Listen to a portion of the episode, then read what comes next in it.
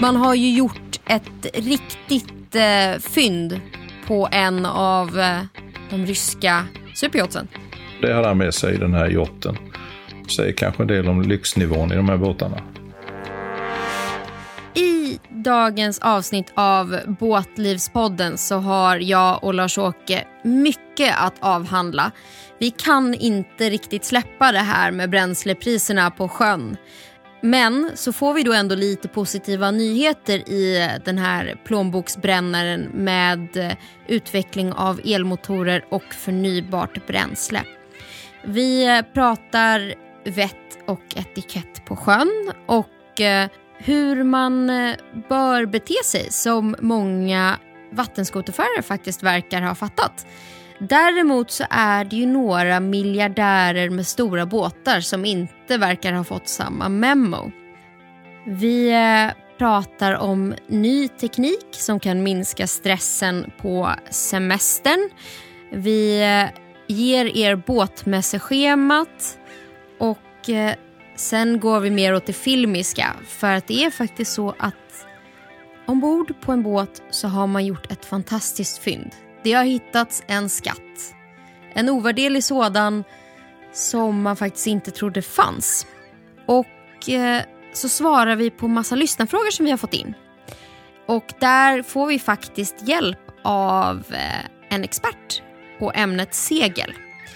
Mer om det i slutet av avsnittet.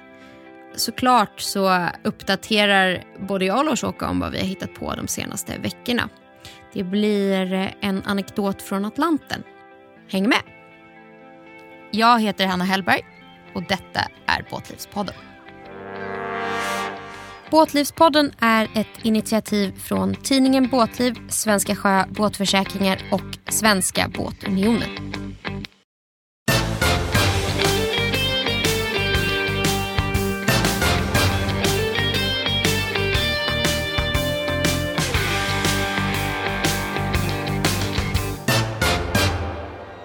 Hej Lars-Åke! Hej Anna och välkommen tillbaka. Tack så mycket. Och eh, välkommen bort får jag säga till dig. Du rapporterar från distans.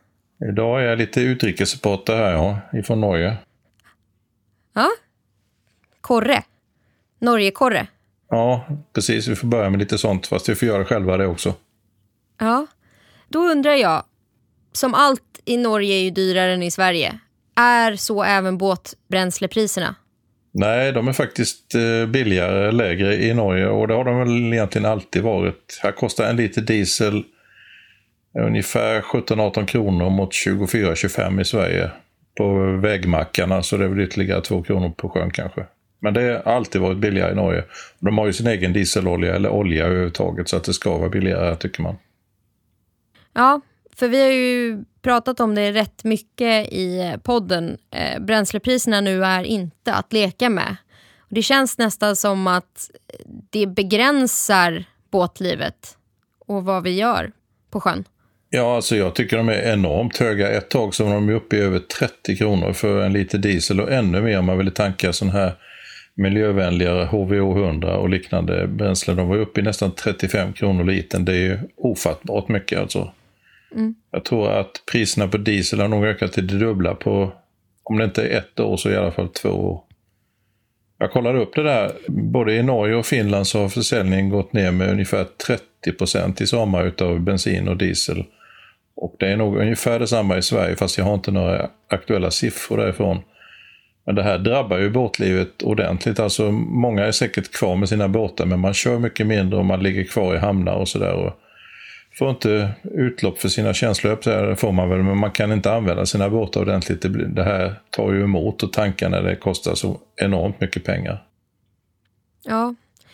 Frågan är vad det kommer få för långsiktiga effekter. Man kan ju tänka sig att det är positiva effekter på miljön att använda mindre fossila bränslen men det kanske påverkar eh, näringslivet i skärgården när man inte får besöka det. Ja gör det säkert. Och någonting gör ju människor i alla fall på sina semestrar. Så att frågan är alltid vad är alternativet? Det verkar som att väldigt många flyger och ja, jag vet inte så vilket som är bäst. Jag tror egentligen att både båtlivet och flyget och bilismen för mig för den delen kanske påverkar väldigt lite i jämförelse med vissa andra storförbrukare. Men det är en mycket större debatt. Ett undantag i alla fall är en båtägare vid min egen brygga hemma i Karlskrona. Han och hans familj kan man säga har varit på Lofoten och vänt med sin motorbåt som är på 42 fot. De har kört eh, cirka 3500 sjömil bara på den här semesterresan i sommar och det är ganska mycket kan man säga. Det kan inte varit en gratis semesterresa? Nej, han har säkert en förbrukning på ungefär ja, närmare 4 liter diesel per sjömil. Så att kan man räkna ut själv vad det kostar. Men han är en väldigt glad och trevlig person och han har planerat för det här länge så han har säkert planerat även budgeten och tycker att det är värt pengarna. Mm. Ja, men Lofoten är nog på mångas eh, bucket list. Det finns ju många företag som kör sånt här um, sail and ski. Så att man eh, seglar upp längs kusten och sen går man upp på bergen med stighudar och så åker man skidor ner och så seglar man vidare. Ja. Och det, det hade jag gärna gjort. Det är ganska läckert. Jag har själv åkt Huttegrutten upp dit där och eh, inte hela biten men upp dit den sista där när man ser de här stora snöväggarna på sidorna och det är fantastiskt att se detta. Alltså otroligt vilken natur de har. Mm. Så då tipsar vi båda om semester i Norge, både för lägre bränslepriser och fantastisk natur. Mm, kan man göra. Ja. Någon som inte bidrog till en fantastisk naturupplevelse för sina medmänniskor det var en motorbåtsförare som eh, inte körde så hänsynsfullt i Stockholms skärgård. Nej, det var faktiskt i norsk skärgård. Vi håller oss kvar i Norge lite grann och du har nog sett klippet som jag har skickat över. Det ligger på norska tidningen Båtmagasinets hemsida och sen har det även varit på VG, alltså det är ju en, den största kvällstidningen i Norge. Det har varit enormt mycket debatt om ett klipp ifrån en familj som satt på sin veranda på sommarstugan i skärgården och utanför så ser man farleden med några prickar och framförallt ser man stora stenbumlingar under vattenytan. Och rätt vad det är så kommer det en stor eh, 80-fots motorbåt eh, av svensk härkomst som dånar igenom den här farleden i uppskattningsvis mellan 15 och 20 knop. Och det blir ju mycket sjö och det blir väldigt eh, ja, otrevlig stämning överhuvudtaget när man kör på det där viset i skärgården. Och, eh, namnet framgår tydligt på filmen om man tittar på den, alltså på Båtmagasinets hemsida. Ägaren är inte lika tydligt men eh, jag är nästintill helt säker på att den ägs av en svensk miljardär som bor ganska långt bort utomlands. Yeah. Och, um, samma båt har tidigare kört ungefär likadant i sydsvenska skärgårdar så att um, den där personen bör nog lära sig köra båt lite bättre. Då fick vi med lite kändisskvaller även i det här avsnittet. Jag ska se till att vi delar länken till det klippet på våra sociala medier. Kanske till och med kan tisa om det eh, innan det här avsnittet släpps. Så vi kanske ska skicka honom till eh, Maria då? Ja. Så han får lära sig lite hyfs och vett och lite mänsklig psykologi. Utmärkt idé. Mycket bra. Ja, ja då säger vi så. Vi pratade mycket om stress i förra avsnittet med Maria. Eh, nu återkopplar vi till våra tidigare avsnitt här. Men det finns ju saker som kan minska stressen. Jag vill ju påstå att om alla är mätta och utvilade så blir en dag på sjön mindre stressad. Men det finns ju lite mer eh, innovativa och high-tech saker man kan ta till för att minska stressen på båtsemestern. Absolut. En av de sakerna som jag själv tycker kan vara riktigt stressande det är ju det här med att få tag i en bra hamnplats om man vill ligga i en gästhamn en natt så vill man ju vara säker på att få en bra plats och kanske ja, inom ett visst område i hamnen och så vidare. Men vissa hamnar som är väldigt kända och populära, det finns sådana i Stockholms skärgård men framförallt hela Bohuslän nästan är ju sånt att ska man ha en bra plats på till exempel Käringön eller Smögenbryggan då får man vara ute och ligga där och cirkulera kanske 10-11 på förmiddagen och vänta på att någon ska lämna bryggan och sen så sticker man in och kanske behöver böka mm. mot någon annan också. Och det är ju inte så kul utan jag tycker själv att tekniken att man bokar en plats i en app eller någonting och sen är man säker på att den platsen är ledig fram till kanske klockan 11 på kvällen. Det är ju bra mycket bättre teknik om man kan använda tekniken på det viset. Och Det finns ett företag i Göteborg som heter Moringo som har en app som heter Moringo Breeze. Och den appen använder teknik som kopplar ihop både satellitdata ifrån European Space Agency och lokalt väder i populära gästhamnar kan man gå in i appen och kolla var, var man kan eh, hitta en bra plats och sen kan man gå in och boka den där. Till exempel på Dockspot eller något liknande. Då utnyttjar man tekniken på ett bra sätt och ett avstressande sätt. Så du tipsar om Moringo, men det var ju kul att du tipsade om just eh, den typen av app. Vi har fått en fråga till podden på just det temat. Och då är det en person som undrar vilka måste-appar ska man ha för båtlivet? För att ha ett så stressfritt båtliv och bra båtliv som möjligt. Ja, finns det några måste-appar? Själv har jag sedan flera år tillbaka Navionics navigationsapp och även eh, en Eniro på sjön med ifall det händer någonting. Och flera gånger har jag använt dem för att navigera med, ja, av bekvämlighetsskäl egentligen. Jag vet inte, vilka appar använder du? Jag gillar att hålla koll på vädret. Eh, och då använder jag väldigt ofta Windy. För att jag tycker att den visar ja, vädermönster bäst och hur vinden vrider och så. Och det tycker jag om att hålla koll på när man lägger till i naturhamnar. Så man vet hur man ska ankra och vilka naturhamnar som är, som är bra. Så jag gillar ju Windy. Men även SMHI-appen. Ja, och jag tittar i Weather Pro så det är olika vilka väderappar man kollar i. Men eh, vädret är bra att hålla koll på också, det håller jag med om, absolut. Så då säger vi Navionics, väderapp of choice och Eniro på sjön. Ja, har man dem så klarar man sig nog ganska långt. Säkert. Ja. Och Moringo om man vill ha, kunna ha sovmorgon men ändå försäkra sig om att få en plats vid bryggan. Mm, absolut, det är bra med allt det där. Det viktigaste kanske dock är att eh, hålla koll och utkik lite runt om båten så att man inte bara sitter och stirrar i sin telefon eller sina instrument. För det finns alldeles för många exempel på det när folk bara tittar ner i elektroniken hela tiden. Ja, det här med att titta ut över horisonten brukar vara ett bra sätt att undvika trubbel. Men har du några mer så här skärgårdslivsappar som du gillar? Alltså, jag tänker på hur man håller koll på bra restauranger i skärgården, om det finns något sånt som kanske inte är direkt båtframförande appar. Ja, då skulle jag nog gå över lite mer på Facebookgrupper och sådana saker. För där finns det många som kastar ut frågor och får ge tips till andra om vad man ska hålla till. Och det finns både för, ja, för olika skärgårdar i Sverige, det, ganska stora grupper. Det tycker jag nog är det enklaste tipset. Mm, så utnyttja folks lokalkännedom. Ja. Och på det temat så vill jag tipsa om Facebookgruppen Segelbåtsfix. Där kan man få hjälp med för folk frågar om sina motorbåtsfrågor också. Så man mecktips och hur man kan mecka med båten och fixa på den på bästa sätt. Och folk som visar upp hur de har löst olika saker på båten. Så då tipsar vi om Facebookgrupper här också. Smart, enkelt. Ja. Men från något ganska snällt och mysigt som Facebookgrupper till något betydligt mer James Bond-aktigt och spännande. Man har ju gjort ett riktigt eh, fynd på en av eh, de ryska superyachten.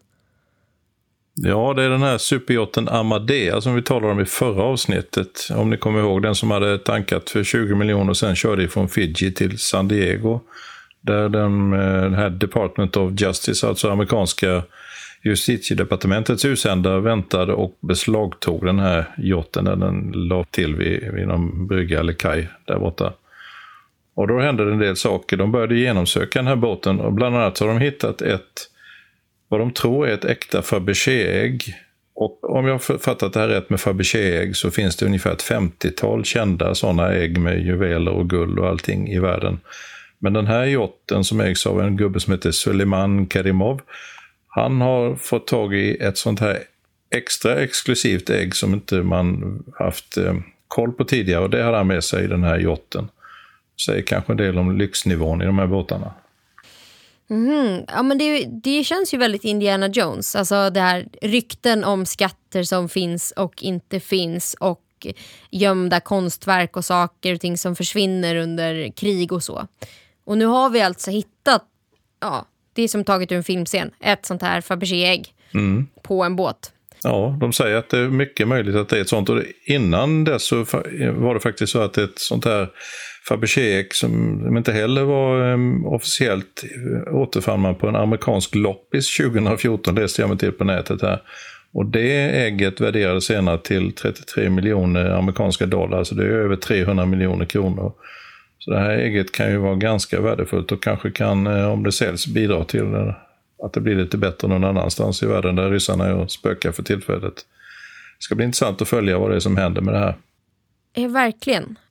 Jag ska se till att lägga upp länkar till eh, den nyhetskällan så att man kan läsa mer om det här Fabergé-ägget. Om man inte tycker att Fabergé-ägg och loppisar är så intressant så eh, kan man ju springa på båtmässor och vi pratade ju ganska mycket om det i eh, förra veckan. Men vi vill ändå passa på att tipsa om båtmässorna och datum, för de börjar ju närma sig nu. Ja, äntligen så börjar det bli dags igen. Bara en liten snabbis här. Alltså, den första båtmässan är Karlshamn Boat Show som är ganska stor. Den hålls den 19 till 21 augusti i Karlshamn. Därefter så kommer Allt på sjön i Gustavsberg som hålls den 2-4 september. Men innan dess eh, så har det varit Marstrand Motorboat Show som hålls den 26-28 augusti. Och även Orust Sailboat Show med öppet varv som hålls den 26-28 augusti. På Marstrand respektive Orust, alltså hemma hos Halberassi, den senare segelbåtsmässan där. Mm. Så det går att fylla semesterschemat med båtmässor. Det har vi konstaterat förut och vi konstaterar det igen. Jag var ute i skärgården precis innan vi eh, spelade in det här avsnittet och eh, vi besökte några vänner. Och de hade en vattenskoter de har även söner.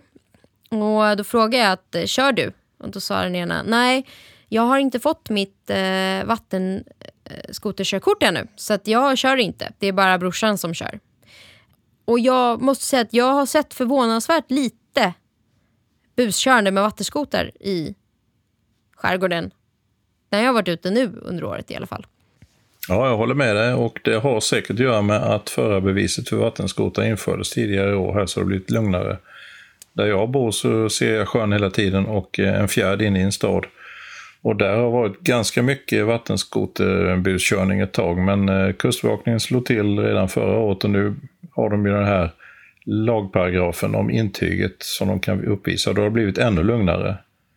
Jag såg ett inslag på SVT för ett tag sedan. Då sa sjöpolisen själva att de inte sett en enda buskörning på flera platser i Stockholm där det har varit eh, mycket buskörning tidigare. Så att det är väldigt positivt att utbildning och lite mer kunskap gör att, att människor kan uppföra sig normalt, kan man väl säga.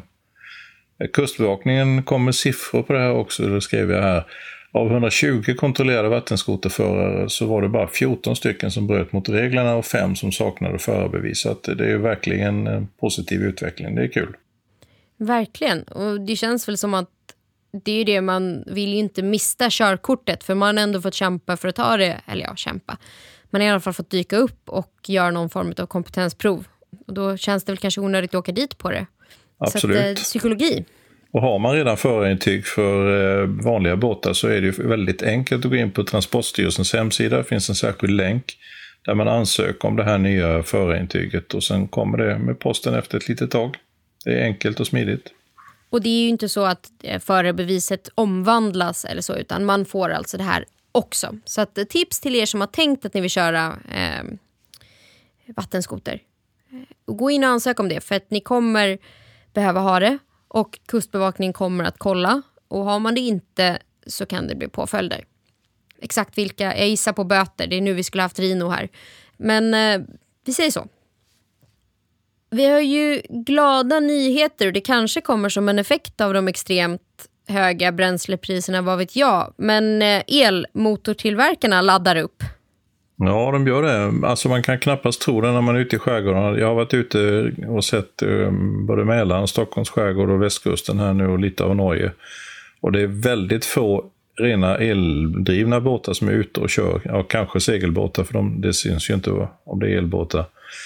Men um, själv så laddar jag upp lite grann inför Europas största flytande båtmässa. Den heter Cannes Yachting Festival och hålls andra veckan i september. Och där brukar vara en speciell avdelning med elbåtar där man ser lite eh, ja, spännande projekt, nya båtar. Det finns ju svenska X-Shore och Candela med och alla stora tillverkare. Och i år så vet jag att det kommer ännu fler eh, tillverkare just av elmotorer. Det kommer lite fler grejer ifrån kända tillverkare. Det finns ett holländskt företag som heter Vetus som visar en ny serie elmotorer på 5, 7 respektive 10 kilowatt. Och det är ju ganska lämpliga storlekar då om man till exempel har en snipa eller en segelbåt, kanske upp till 10-12 meter. Så bör man nog allvarligt börja fundera på när det blir dags att byta motor. Ska jag köpa en ny diesel den här gången eller ska jag slå till och installera en eldriven med drivlina i, i båten? Jag tror att ofta så ligger prislappen på ungefär samma om man väljer el eller diesel beroende på hur många batterier man vill ha till sin eldrift i så fall. Men som sagt, tajmingen börjar bli allt mer rätt. Eh, stora hindren egentligen är väl infrastrukturen för att kunna ladda, men det har vi också pratat om tidigare. Där finns det mycket kvar att göra. Mm. Svenska Arcona har ju faktiskt en av sina modeller som de levererar med eldrift som standard. Och den är lite dyrare än eh, dieselmotorn. Men då har man också sån hydroregenerering så att man laddar upp batterierna när man seglar om man seglar med en viss hastighet. Så då slipper man ju också problemet med laddningen. Ja, att, exakt. Ja. Även X-Jots från Danmark har en modell som bara säljs med eldrift, så att det kommer. Ja, jag tror inte det kommer bli ovanligare om vi säger så. Men det finns ju också alternativ som är mittemellan liksom, traditionell marindiesel och eldrift. För det kommer ju ändå fler och fler sjömackar som har förnybara drivmedel i sortimentet. Ja, det gör det. Precis. Och i Stockholm eh, finns det drivmedelsmackar som har en enorm omsättning. Bland annat en som eh, ligger i Islinge på Lidingö. Det är OKQ8 som har en mack där och de har nu eh, gjort en ny mack som ingår i en större strategi för att göra Stockholms skärgård helt fossilfri. Det räcker inte med en mack då, men det gör rätt stor skillnad om fler börjar tanka HVO100 eller liknande fossilfria bränslen. Och det kan man göra på den här macken som dessutom ligger liksom, det är en sån här sjöstation som ligger i anslutning till en landstation. Och det är ofta bra att välja sådana mackar eftersom då vet man att bränslet ständigt är fräscht och färskt eftersom det blir snabb genomströmning. Så jag skulle rekommendera att har man möjlighet och har sin båt i närheten så åk över och tanka på den här macken som eh, utvecklas tillsammans med ett svenskt företag som heter Fossil Free Marine. Och de har en speciell plattform också. Det, ja, det är en station egentligen, flytande station. Där man har bränslet i. Och det, ja, det är värt att titta närmare på. Ja, verkligen. Det var ju egentligen det vi hade i nyheter idag tänkte jag. Men vi har ju faktiskt fått lite frågor. Och jag tänker att eh, vi ska faktiskt fortsätta på frågetemat du och jag. Eh, det här blir ett lite nytt form på avsnitt där vi kör eh, bara du och jag. Så kommer vi tillbaka med intervjuer i nästa avsnitt. Det blir som att vi intervjuar er som lyssnar. Eller i alla fall interagerar med er när vi tar upp era frågor. För vi har fått en fråga som jag tycker är väldigt intressant och som jag tror att du är väldigt bra på att svara på. Det är Timmy som frågar. Jag ska köpa första båten i vuxen ålder. Jag är uppvuxen med båt. Men vilka risker finns med begagnade utombordare? Ja, alltså begagnade utombordare är ett svårt kapitel kan man säga. För det första så skulle jag själv välja en fyrtaktsmotor i så fall utav miljöskäl. Och eh, även för att de går tystare och luktar lite mindre. En del människor gillar ju den här doften av eh, oljeblandad bensin och då kan man fortfarande köpa en tvåtaktare som har sina fördelar. De är lättare och de, eh, de är hållbara, de är accelerationssnabba och så vidare. Men de skakar lite grann och de eh, framförallt luktar och dånar lite. Men eh, jag tror personligen, eh, utan att tala illa om någon, så tror jag att tvåtakts äldre utombordare kommer att tappa eh, sitt värde så att de nästan blir värdelösa rent ekonomiskt. Sen kan de ju ha ett eh, funktionsvärde, ett driftsvärde för den som redan har en båt och kanske bara använder motorn i 10 eller 20 timmar om året då kan man satsa på en sån. Men grundtipset är att välja en fyrtaktsmotor av lite nyare fabrikat. Och egentligen skulle jag säga om man ska välja en utombordare till en liten jolle eller någonting som man ska ha i en segelbåt eller motorbåt, då skulle jag välja en elmotor om jag hade råd. De kostar mer än dubbelt så mycket som en förbränningsmotor men har massa fördelar. Man kan till exempel lägga den i princip hur som helst i båten upp och ner. Det är inga oljor i dem, och kräver ingen service. Så att eh, det där kräver att man funderar lite grann och sen tittar i plånboken först givetvis. Vad har jag för budget? Och sen får man ju fundera på vad har jag för budget att tanka för sen. För det är ju ett mindre problematiskt när man har en elmotor. Ja, då är det ofta väldigt billigt att tanka dem eller ladda dem, så att då ger det sig självt. Så tipset är egentligen att se över vilken typ av behov man har och vilken typ av båt man ska ha det till. Ja, tänk efter ordentligt alltså. Mm. Jag vill nog tipsa om att eh, kolla på serviceprotokoll och så. Att man har, köper en motor som har, någon har tagit om hand om. Och där man har stämplar och att den har varit besiktigad och servad med de intervallen som föreslås av eh, fabrikanten. Så det är mitt tips. Att se till att ha papper. Lite som man kollar upp att man har stamtavla på en hund när man köper en valp. Så ska man kolla på det på motorn. Ja, men det är bra att du nämner det. För det är alltid bra grundtips med allting. Men folk fuskar väldigt mycket och när garantitiden gått ut så är det många som slappnar av lite grann när det gäller service och, och såna här riktiga reparationer. Däremot byta olja och så, det brukar de flesta sköta inför varje höst så att man byter så det är fräscht till nästa säsong. Ja. Och när man köper en begagnad motor, se till att ta hand om den som att den vore ny och fråga hos eh, motorreparatör om det är någonting man kan göra och hur man bör ta hand om motorn. Så att man har koll på det också så att man förlänger livet så långt som möjligt även om man köper en begagnad. Det är ett väldigt bra tips. Absolut. Rent miljömässigt tycker jag dock att man ska vara medveten om att köper man en äldre tvåtakts utombordare så försvinner ungefär en tredjedel, brukar man säga, eller minst 30 procent av bränslet man stoppar in försvinner oförbränt ut, rätt ut i naturen. Och det känns ju inte helt eh, hundra att göra det i dagens läge när man kan välja motorer som, som tar hand om eh, bränslet och oljan på ett helt annat sätt. Eller en elmotor som inte ger några sådana utsläpp alls. Nej. Ta hand om dina prylar, ta hand om miljön. Från motorbåtar till segelbåtar då. Vi har faktiskt fått en segelbåtsfråga. Och det är varför är seglen svarta? Och jag tror att det har att göra med att jag la upp eh, frågebilden, alltså frågeboxen på Instagram framför en bild på en båt med svarta segel. Och när små barn ritar segelbåtar och när man tittar på segelbåtar så har de flesta vita segel. Men kappseglingsbåtar har ju väldigt ofta svarta segel. Och det har helt enkelt att göra med vilken typ av fiber man har i. Man har alltså kolfibertrådar i seglen och de är svarta. Så att duken, Eh, materialet i duken är svart och då blir de svarta. Sen går det om man vill att betala extra och få sportiga segel, typ ljusgrå och lite andra. Men eh, det är helt enkelt för att de är gjorda av eh, kolfiberkomposittrådar. Så därför är segeln på tävlingsbåtar svarta och inte vita. Bra Hanna, jättebra information om det här så att eh, man förstår ungefär var det här svarta kommer ifrån. Men har inte du lite mer information just när det gäller kappseglingsbåtar ifrån kanske till och med lite varmare breddgrader att komma med en färsk rapport? Jo, men jag är, precis, jag är fortfarande jetlaggad. Jag är precis hemkommen från eh, USA. Där jag har transportseglat en tävlingsbåt från Bermuda till Newport.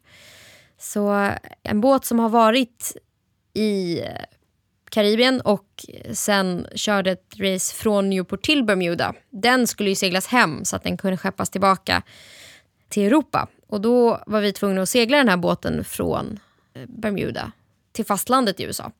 Så det har jag roat med mig förra veckan. Hur stor båt var det? 44 fot. Ganska sparsmakad inred... Eh, alltså, den är inte så mysig som en semesterbåt. Den är lite mer eh, rudimentär i sin inredning kan vi säga. Men eh, gott om plats inne för det fanns inget lullull liksom. Mm. Det låter som en kappseglingsbåt på något sätt i alla fall. Ja men verkligen. Nu är det här extra nördigt men det är en Elliot 44 heter den. Så att man seglar normalt sett när man är i full crew. Eh, så är man ungefär 10 personer ombord. Eh, men nu när vi seglade hem den så var vi tre ombord. Så vi hade gott om plats och slapp befinna oss ovanpå varandra.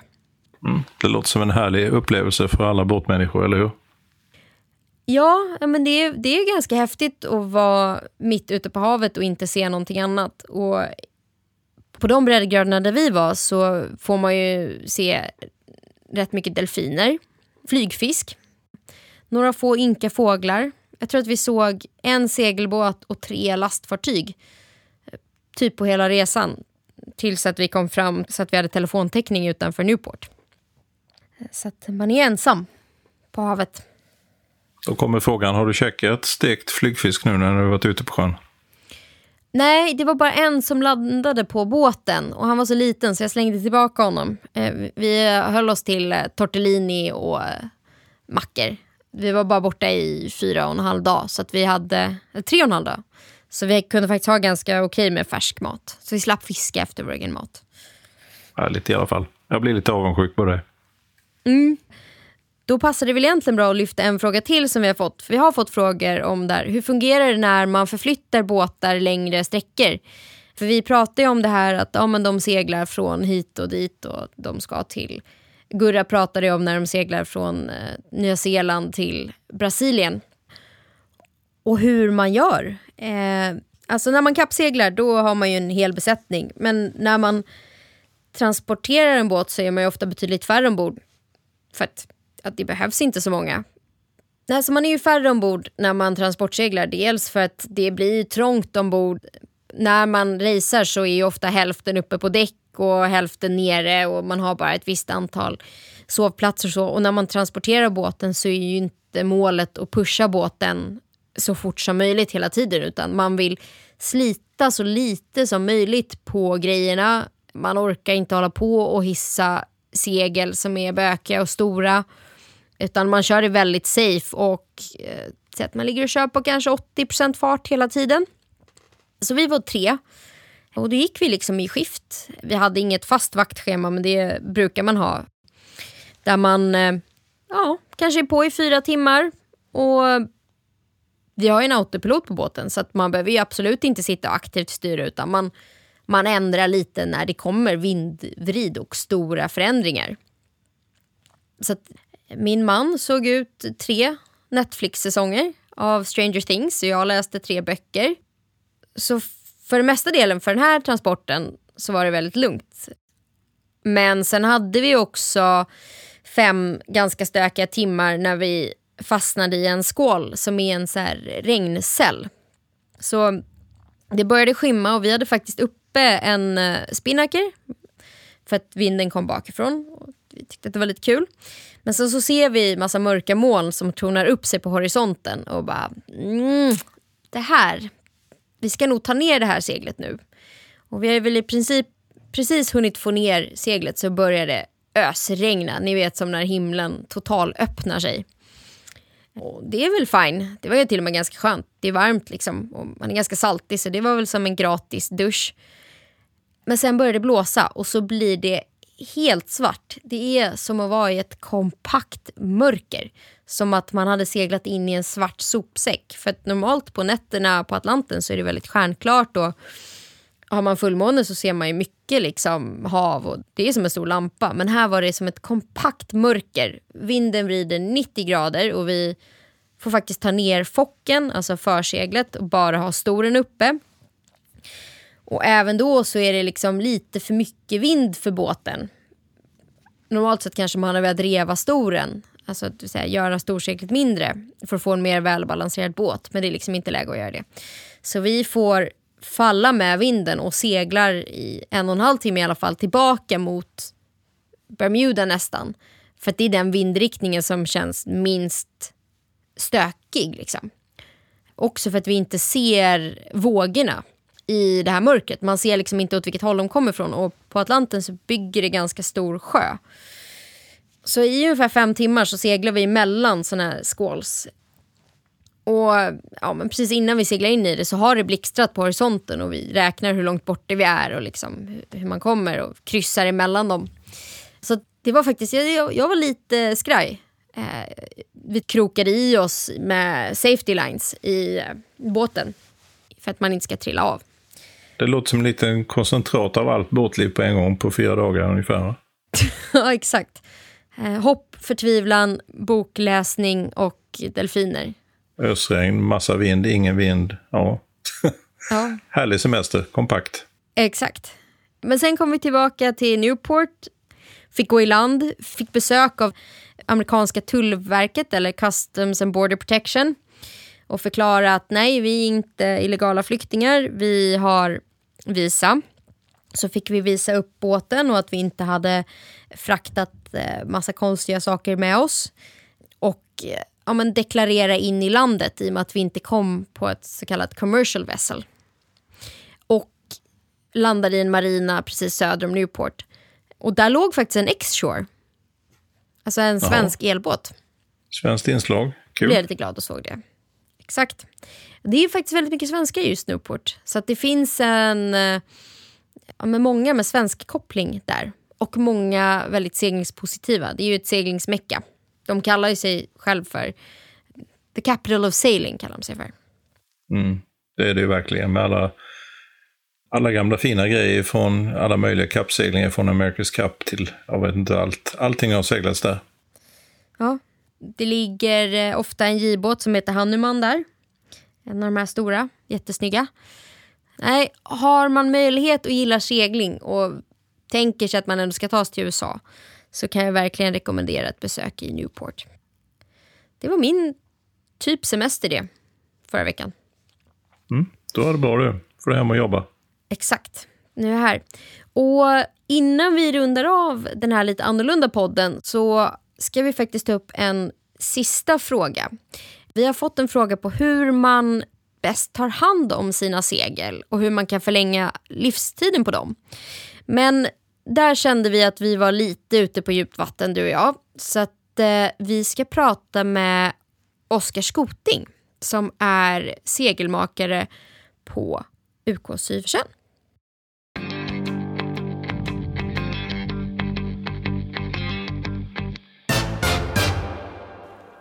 Tjena Oskar! Tja, tja. Tack för att du eh, kan bistå med din kunskap ja. i det här avsnittet. Vi har nämligen fått en fråga där vi känner att eh, varken jag eller Lars-Åke riktigt kan svara på det. Och då tänkte vi att du är ju segelmakare. Exakt. Så då kanske du kan hjälpa oss med det här. Förhoppningsvis. Vill du berätta lite mer vem du är först? Ja, jag heter Oskar Skoting och tillsammans med två kollegor driver UK Syversen segelmakeri, eller UK Sailmakers, här i Sverige. Och vi säljer segel till ja, alla möjliga båtar, cruisingbåtar och racingbåtar. Så att, eh, ja, det gör vi. Och ni säljer ju inte bara nya segel, ni reparerar ju, underhåller och servar rätt mycket segel också.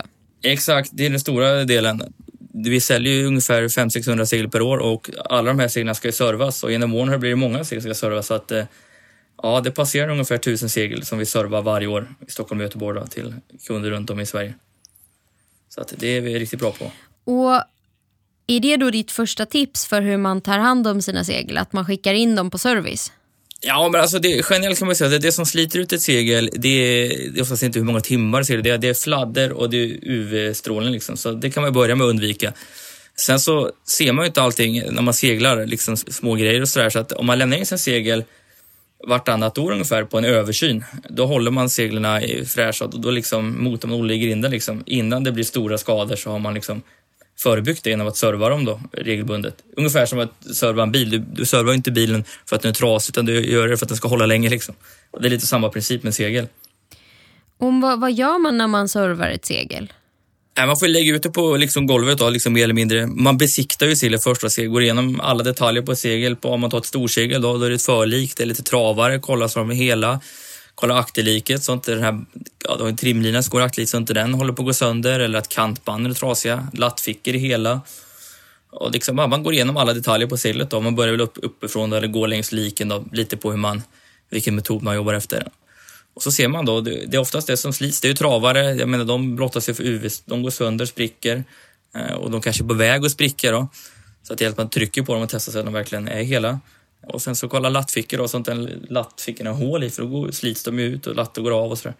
Så att det, det, är mycket, det är mycket grejer man måste gå igenom. Man, man kan ju som seglare gå igenom det mesta och se, men en sina nya kanske man inte behöver se dem varje år, men vartannat år, vart tredje år i alla fall. Då förebygger man mycket problem. Okej, okay. så förebyggande eh, översyn är bra. Men vad händer nu? Säg att jag är ute på semestern, jag seglar och så går seglet sönder. Kan man laga seglet själv? Alltså det är mycket om man, det, handlar liksom, det beror på hur stor skada det är. Om du har servat segel så brukar det inte vara någon större skada som, som sker. Det, det kan vara att en latta går av eller att ett lattspänn eller en travare går sönder.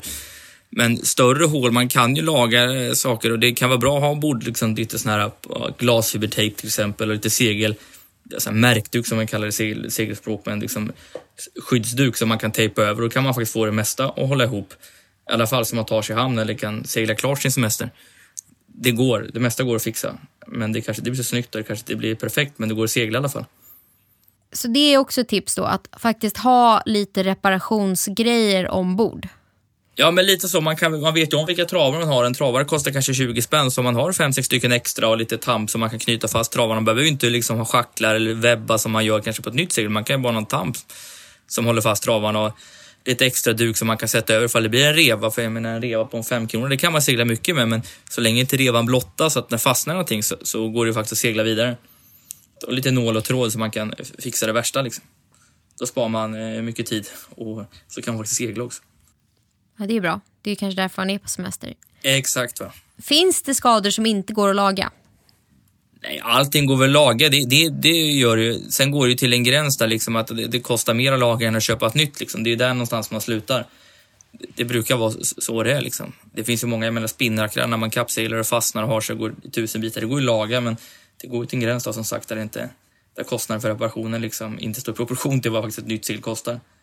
När de är mer lapptäcke än segel? Exakt. Ja, men det, alltså, det är ju inte problemet att få ihop ett segel i, från tusen bitar till en bit, utan det är oftast att man när det går sönder så deformerar man liksom formen i seglet. Och det är väl det som är det stora problemet, att man förstör formen kanske.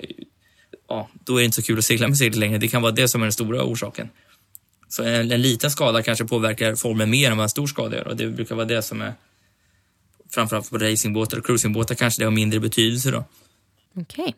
Men, men det är viktigt att underhålla dem och hålla seglarna borta från UV. Det är väl liksom det, det, stora grejen. På med kapellen så fort de kan. Ha UV-skydd på förseglet om man har rullsegel.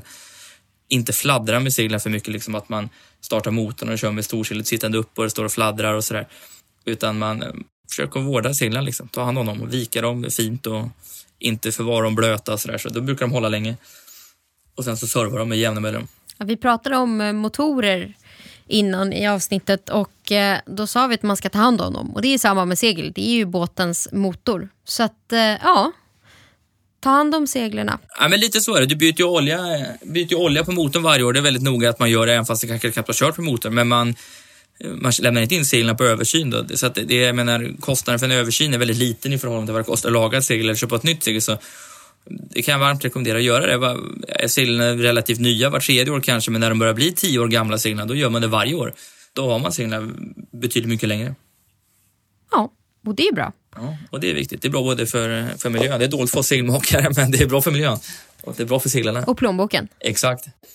Vad bra, Oskar. Tack ja. för att eh, du kunde svara lite på våra frågor. Ja, det var så lite så. Och så får vi önska dig eh, en trevlig segelsemester. Ja, detsamma, detsamma. Ha det bra då.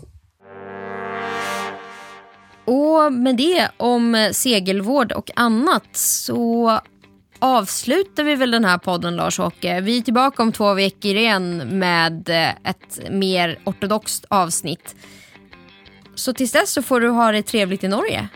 Ja, detsamma. Jag ska försöka ta mig hemåt Sverige och ha det så gott själv. Och trevlig sommar på allihopa som lyssnar. Tack och hej.